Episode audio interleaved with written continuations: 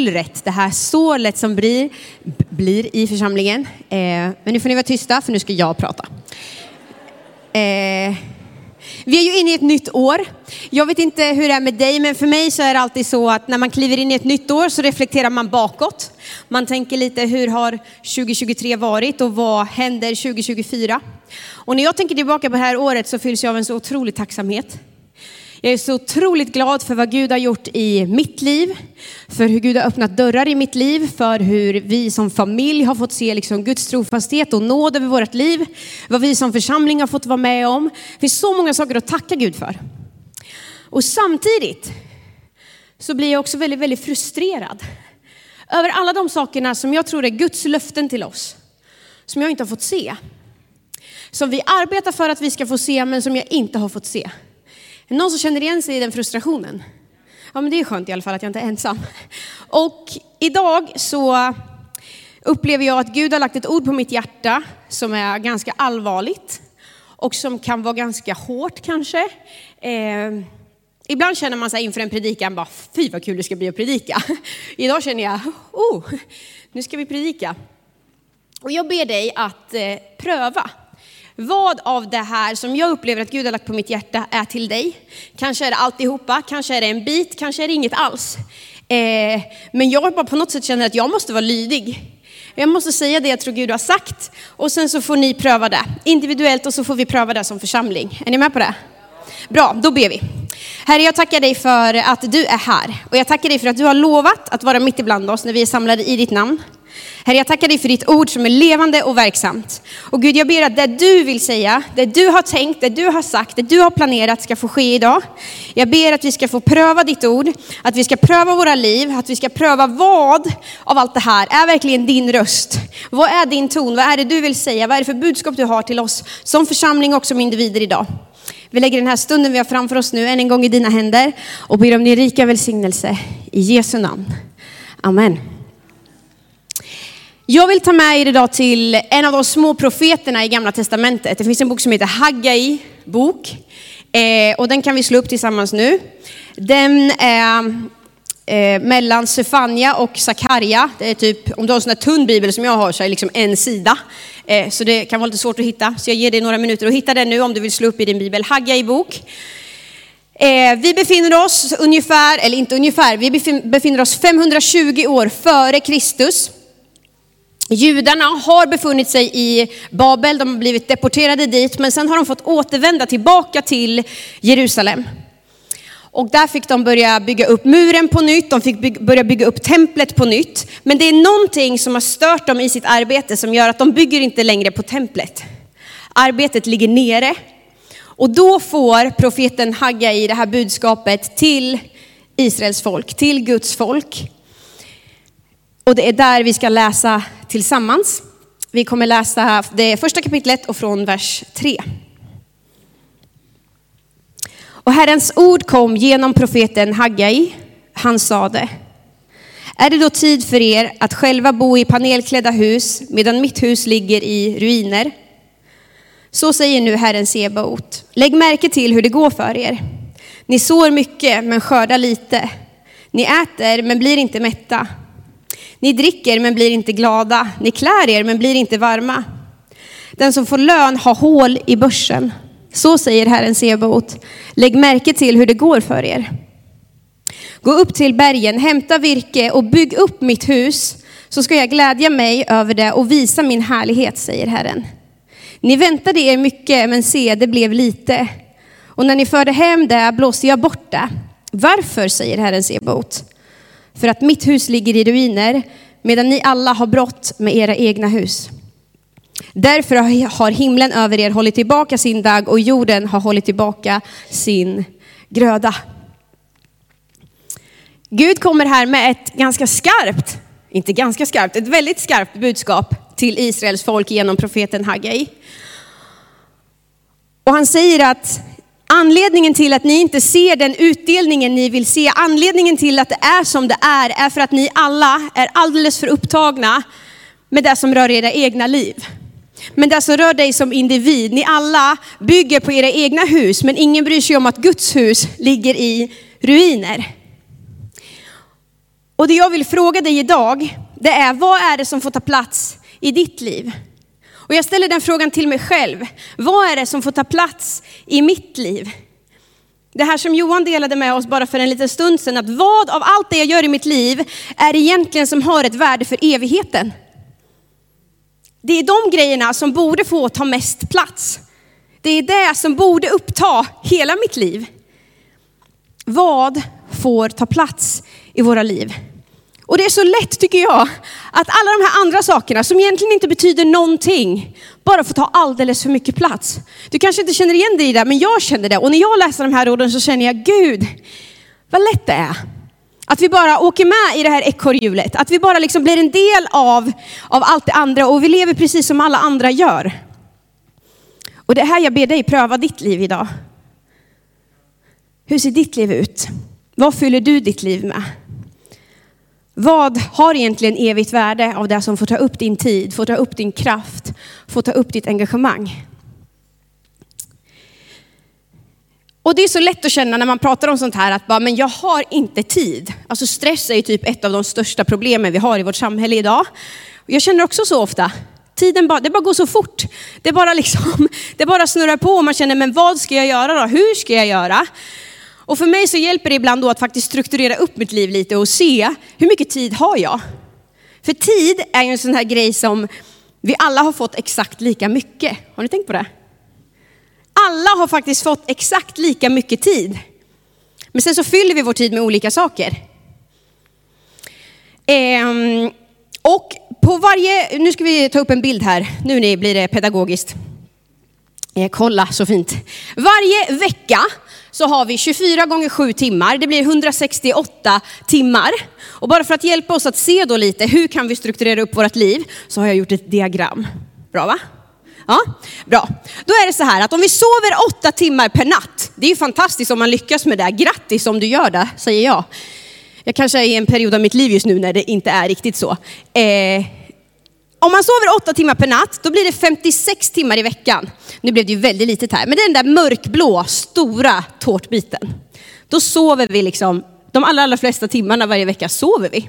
Det är ju underbart att vi får göra det. Sen så har ju de allra flesta av oss ett arbete, eller i alla fall längtan om ett arbete. Och om man skulle, om det är så här då, om man skulle jobba heltid, Eh, jag tog till och med i lite här. Jag tänkte, eh, men om man säger att man jobbar sju dagar i veckan, det hoppas jag att de flesta av oss inte gör. Men om det skulle vara så att du jobbar sju dagar i veckan, jobbar 48 timmar i veckan, då är det den orangea tårtbiten där. Också en ganska stor del av våra liv. Och sen så är det ju de här grejerna runt omkring att man behöver åka till ett arbete, man behöver handla, man behöver städa, man behöver fixa för att bara få livet att gå ihop. Säg att det ish är fyra timmar per dag, kanske? Också ganska generöst, eh, då är det den gråa tårtbiten. 28 timmar i veckan. Sen så behöver vi tid för varandra, vi behöver tid för vår familj, för våra vänner. En del prioriterar att träna, en del liksom, alltså vi har fritidsintressen, sånt där härligt utöver. Säg att vi skulle göra det fyra timmar per dag. Kanske titta på en serie, läsa en bok, jag vet inte vad du tycker om att göra. Det blir också 28 timmar i veckan. Det är den gula tårtbiten. Jag tycker att jag nu har varit ganska generös i hur jag har räknat, eller hur? Ja, det var någon som tyckte i alla fall. Nej, men att man får sova åtta timmar, man får jobba sju dagar i veckan, man får ha fyra timmar varje dag till att fixa och greja och man får ändå ha fyra timmar varje dag till fritid, familj och sådana grejer. Vet ni, då finns det ändå åtta timmar i veckan kvar åtta timmar i veckan kvar. Och den här lilla ljusblå tårtbiten, det är den jag skulle vilja utmana dig att se över idag. Vad gör du med den? Jag säger inte att du ska sluta sova. Jag säger inte att du ska sluta jobba. Jag säger inte att du ska sluta ta hand om din familj. Det är jätteviktigt. Jag säger inte att du ska sluta bry dig om dina fritidsintressen och alla de där grejerna. Men även om vi gör allt det där så finns det faktiskt en bit kvar. Och jag undrar på riktigt, vad skulle hända om vi bestämde oss för att den där lilla tårtbiten, den ska jag investera i Guds hus. Där ska jag vara med och bygga församling. Och vi skulle till och med kunna göra så att man tog hälften av den. Fyra timmar i veckan ska jag bara dedikera mig för min personliga tro med Jesus. Kanske läsa Bibeln fyra timmar i veckan, eller liksom på något sätt bara, liksom, jag vill växa i min tro. Och fyra timmar i veckan investera för Guds hus. Och man kanske känner, men det får jag inte riktigt till. Nej, men om du skulle ta fyra timmar varannan vecka. Eller åtta timmar i månaden. Vet ni, om vi alla på riktigt bestämde oss för det och lät den där tårtbiten fyllas med saker för evigheten, så skulle det göra stora förändringar i våra liv, i våran församling, i våran stad och för hela vårt land. Jag tror det.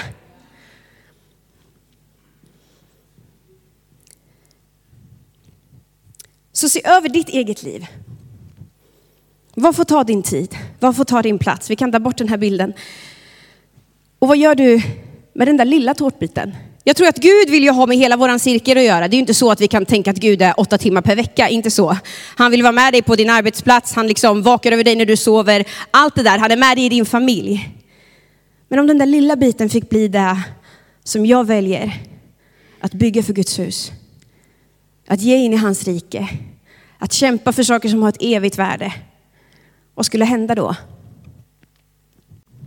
Vi fortsätter läsa i Haggei bok. I, vi läser från vers, vi är fortfarande i kapitel 1 och vi läser från vers 12. Då står det så här, Serubabel, Sealitels son, översteprästen Josua, Josadaks son och alla de som var kvar av folket lyssnade till Herren sin Guds röst och till profeten Haggais ord. Eftersom Herren deras Gud hade sänt honom och folket fruktade Herren. Då sade Haggai, Herren sände bud genom ett budskap från Herren till folket. Jag är med er, säger Herren. Och Herren väckte en iver hos Zerubabel, Sealitels son, ståthållare i Juda, hos översteprästen Josua, Josadaks son och hos alla de som var kvar av folket, så att de började arbeta på Herren Sebaots, sin Guds hus. Det som händer när folket får höra det här budskapet ifrån Gud, det är flera saker. Det första är att de lyssnar. De väljer att lyssna till budskapet ifrån Gud. De väljer att pröva det. Och det är där jag ber att vi var och en skulle göra idag. Vad av det här vill faktiskt Gud säga någonting till, till oss? Finns det någonting i ditt hjärta där du bara känner att yes, det är någonting som behöver läggas på plats här, det är någonting jag behöver korrigera, det är någonting jag behöver fatta ett nytt beslut om. På något sätt kalibrera dig själv, pröva dig själv, precis som folket gjorde. Och så står det att, och folket fruktade Gud. Att frukta Gud, ibland så tänker vi att det är bara så här, ja men det handlar om att vara rädd för Gud. Om jag går runt och är rädd för Gud, då har jag rätt förhållningssätt till Gud. Vet ni, det är inte det det handlar om. Att frukta Gud, det är någonting mycket, mycket djupare, någonting mycket, mycket större. Det handlar framförallt om mitt förhållningssätt till vem Gud är. Det handlar om min position i förhållande till Gud. Att frukta Gud, det handlar om att på nytt bestämma sig för att okej, okay, jag som människa i förhållande till Gud är ingenting.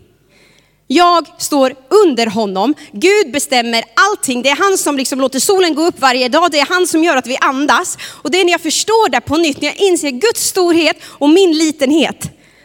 Det är att frukta Gud. Det handlar om en vördnad och en respekt för honom. Det är inte att gå runt och vara rädd för Gud. Men att också förstå vem han är och vad han kan göra. Och att den här guden, som kan göra vad som helst, som låter solen gå upp varje dag, i kärlek sände sin son Jesus Kristus för att, du och jag, för att du och jag skulle få ett nytt liv. Det är han vi böjer oss under. Det är han vi ställer oss till förfogande för. Det är han vi säger tack Gud för att du är Gud och inte jag. Det är att frukta Gud.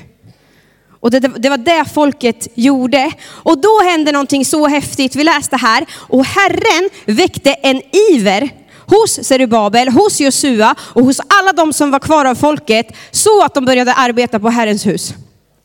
Är det inte härligt att när de hör Guds ord, när de hör profetens budskap, väljer att inta rätt position inför Gud, väljer att frukta honom, förstå vem Gud är, då väcker Gud en iver i dem.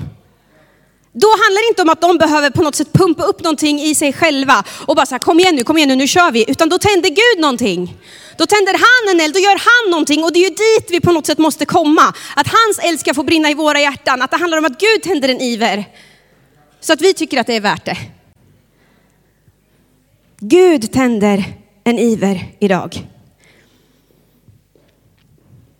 Och jag ber att du idag inte skulle gå hem och tänka, okej, okay, Malin sa att vi alla är egoister och att vi alla borde ha dåligt samvete för hur vi lever våra liv. Då, då har du hört mig fel eller då har jag misslyckats i det jag försöker säga.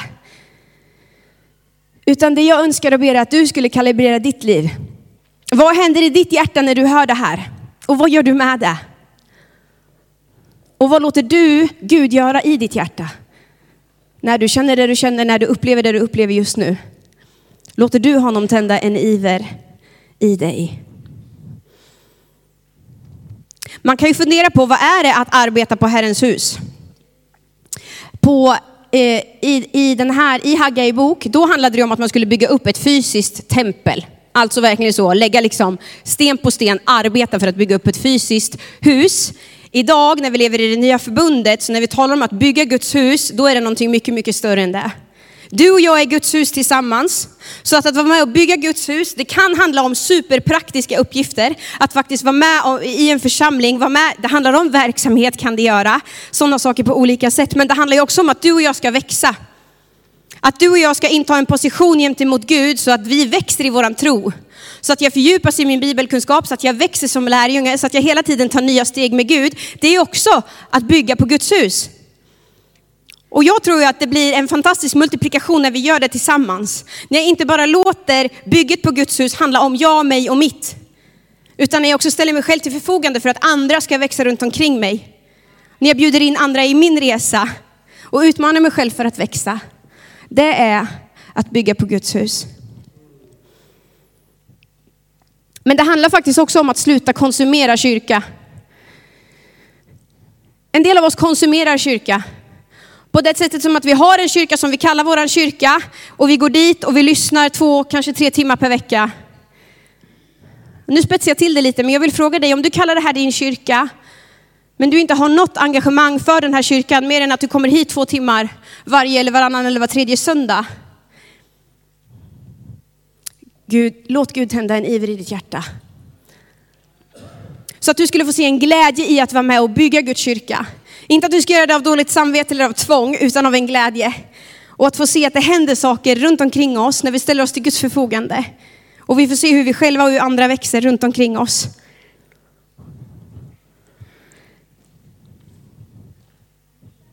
Det handlar inte om att du ska känna dig som gratis arbetskraft. De är bara glada när jag kommer och gör någonting. Det är inte det. Utan jag tror att vara med och bygga Guds hus, det är först och främst för din skull. För att du mår bra av det. För att du mår bra av gemenskapen, för att du mår bra av att växa i din tro. Och det gör man när man bygger Guds hus tillsammans. Vi fortsätter läsa. Och vi går in i det andra kapitlet. Och så ska vi läsa Haggai 2, vers 5 och vers 6.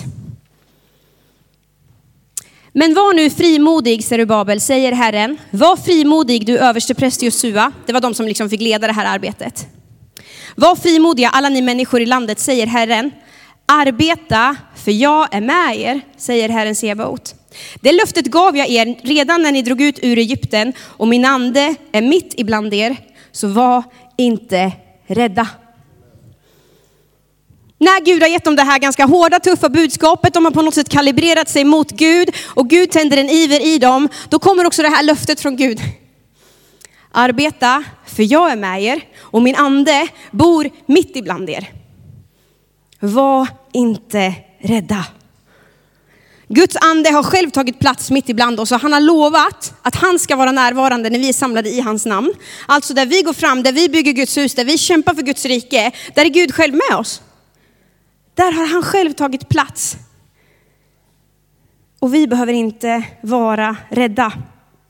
Jag vet inte vad du känner, men det är ju rätt, det är lätt att drabbas av oro. Det är lätt att känna ängslan inför framtiden. Alltså så många saker i vårt land är knas. På riktigt. Det är så många saker som är så fel. Det är så mycket som är upp och ner. Det är... Och jag har bara skrivit upp lite statistik här nu och eh, eh, ni tänker, nu blev det mörkt och jobbigt, men jag har en poäng. Vet ni att 19 procent av alla skolbarn under 18 år har under de senaste 12 månaderna upplevt någon typ av misshandelsbrott i skolan. 10 procent av alla som går ut gymnasiet har använt narkotika. Tänker man 10 procent, det var inte en sån hög siffra, men det är 365 000 elever. Det är 365 000 för många. Hälften av alla äktenskap i Sverige slutar i skilsmässa. 15 procent av alla som slutade nian förra året gick ut med underkänt i, i antingen svenska, engelska eller matte, vilket gör att du inte är behörig till att söka till gymnasiet. Två miljoner barn växer upp med någon förälder med missbruksproblem. 1,2 miljoner svenskar äter antidepressiva mediciner. Den siffran har ökat med 44 procent på tio år. Ungefär 1500 människor tar sitt liv i Sverige varje år. Det är den vanligaste dödsorsaken bland män mellan 15 och 45 år. Det är den näst vanligaste dödsorsaken bland kvinnor. 53 personer dog i dödsskjutningar förra året. Och över allt det här så blir vi också just nu liksom om, ombedda att rusta oss för krig. Vad gör vi med allt det här? Här lever vi. Här finns vi. Och jag tror att i allt det här så behöver vi höra Herrens ord till oss. Arbeta, för jag är med er, säger Herren. Min ande är mitt ibland er. Vet ni, oavsett hur den här världen ser ut, oavsett hur mörkt det blir, så har vi en Gud som för ingenting är omöjligt. Så har vi en Gud som kan göra vad som helst. Jag tänkte på det när vi sjöng den här, de här orden förut. Jag vill proklamera namnet Jesus, för i din närhet finns det frid för alla. I namnet Jesus finns det frid för alla. Oavsett om du har gått igenom hur många skilsmässor som helst, oavsett hur du har vuxit upp, oavsett vilka, liksom, om du inte klarade skolan, oavsett om du känner att du har misslyckats med hela ditt liv, så finns det frid i namnet Jesus för dig. För alla. I vers 10 så i Haggai 2 och 10 så står det så här. Den kommande härligheten hos detta hus ska bli större än den förra, säger Herren. Och på denna plats ska jag ge frid. I allt detta som vi står i just nu, som vi är med om, så har Gud lovat att det här ska få vara en fridens plats för alla som söker den. Vet ni att kyrkan växer som mest i vår värld idag, i de mest utsatta områdena, där det är som absolut svårast att vara kristen, där växer kyrkan. Så vi behöver inte vara rädda. Det är lätt att drabbas av oro, känna panik för framtiden och undra hur ska det gå? Ekonomin går skit och det kanske blir krig. Och, alltså det är klart man kan känna oro. Men Guds hus ska få vara en fridens plats för alla som söker den. Och Gud har lovat att den härlighet som var, det ska bli en kommande härlighet som är större.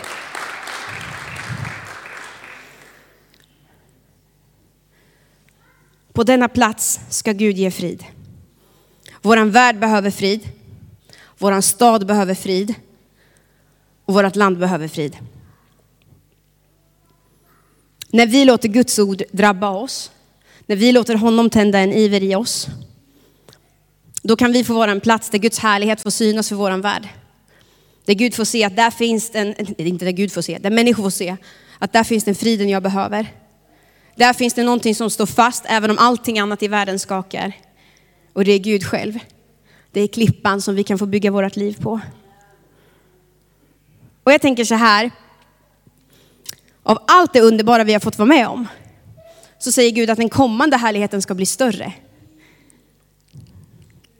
Om vi bara tänker på vad vi fick vara med om som var positivt förra året. Förra året så fick vi samla ungefär 100 barn och ungdomar varje fredag i vår kyrka. Det är fantastiskt.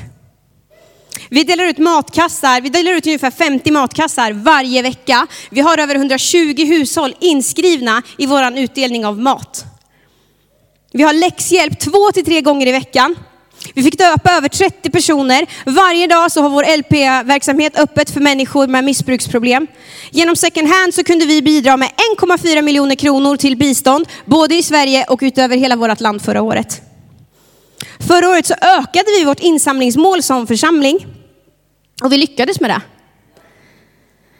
Och utöver det så finns det ju massa sådana här saker som inte går att mäta i siffror. Som är att människor har betytt oerhört mycket för individer som är att människor har funnits där när människor behöver hjälp, som är att människor har mött människor för samtal, delat livet med människor och verkligen byggt kyrka på riktigt. Allt det där har vi tillsammans gjort, allt det där har vi liksom varit med och fått bygga kyrka. Men så säger Gud att den kommande härligheten är större. Att det som ligger framför är fortfarande mer. Och att det bästa fortfarande ligger framför. Och det bästa kanske inte alltid är det enkla. Det kan vara svårt. Det kan bli tufft. Men då har Gud sagt, arbeta, för jag är med er. Min ande bor mitt ibland er. Den kommande härligheten ska bli större. Lovsångsteamet kan få komma fram.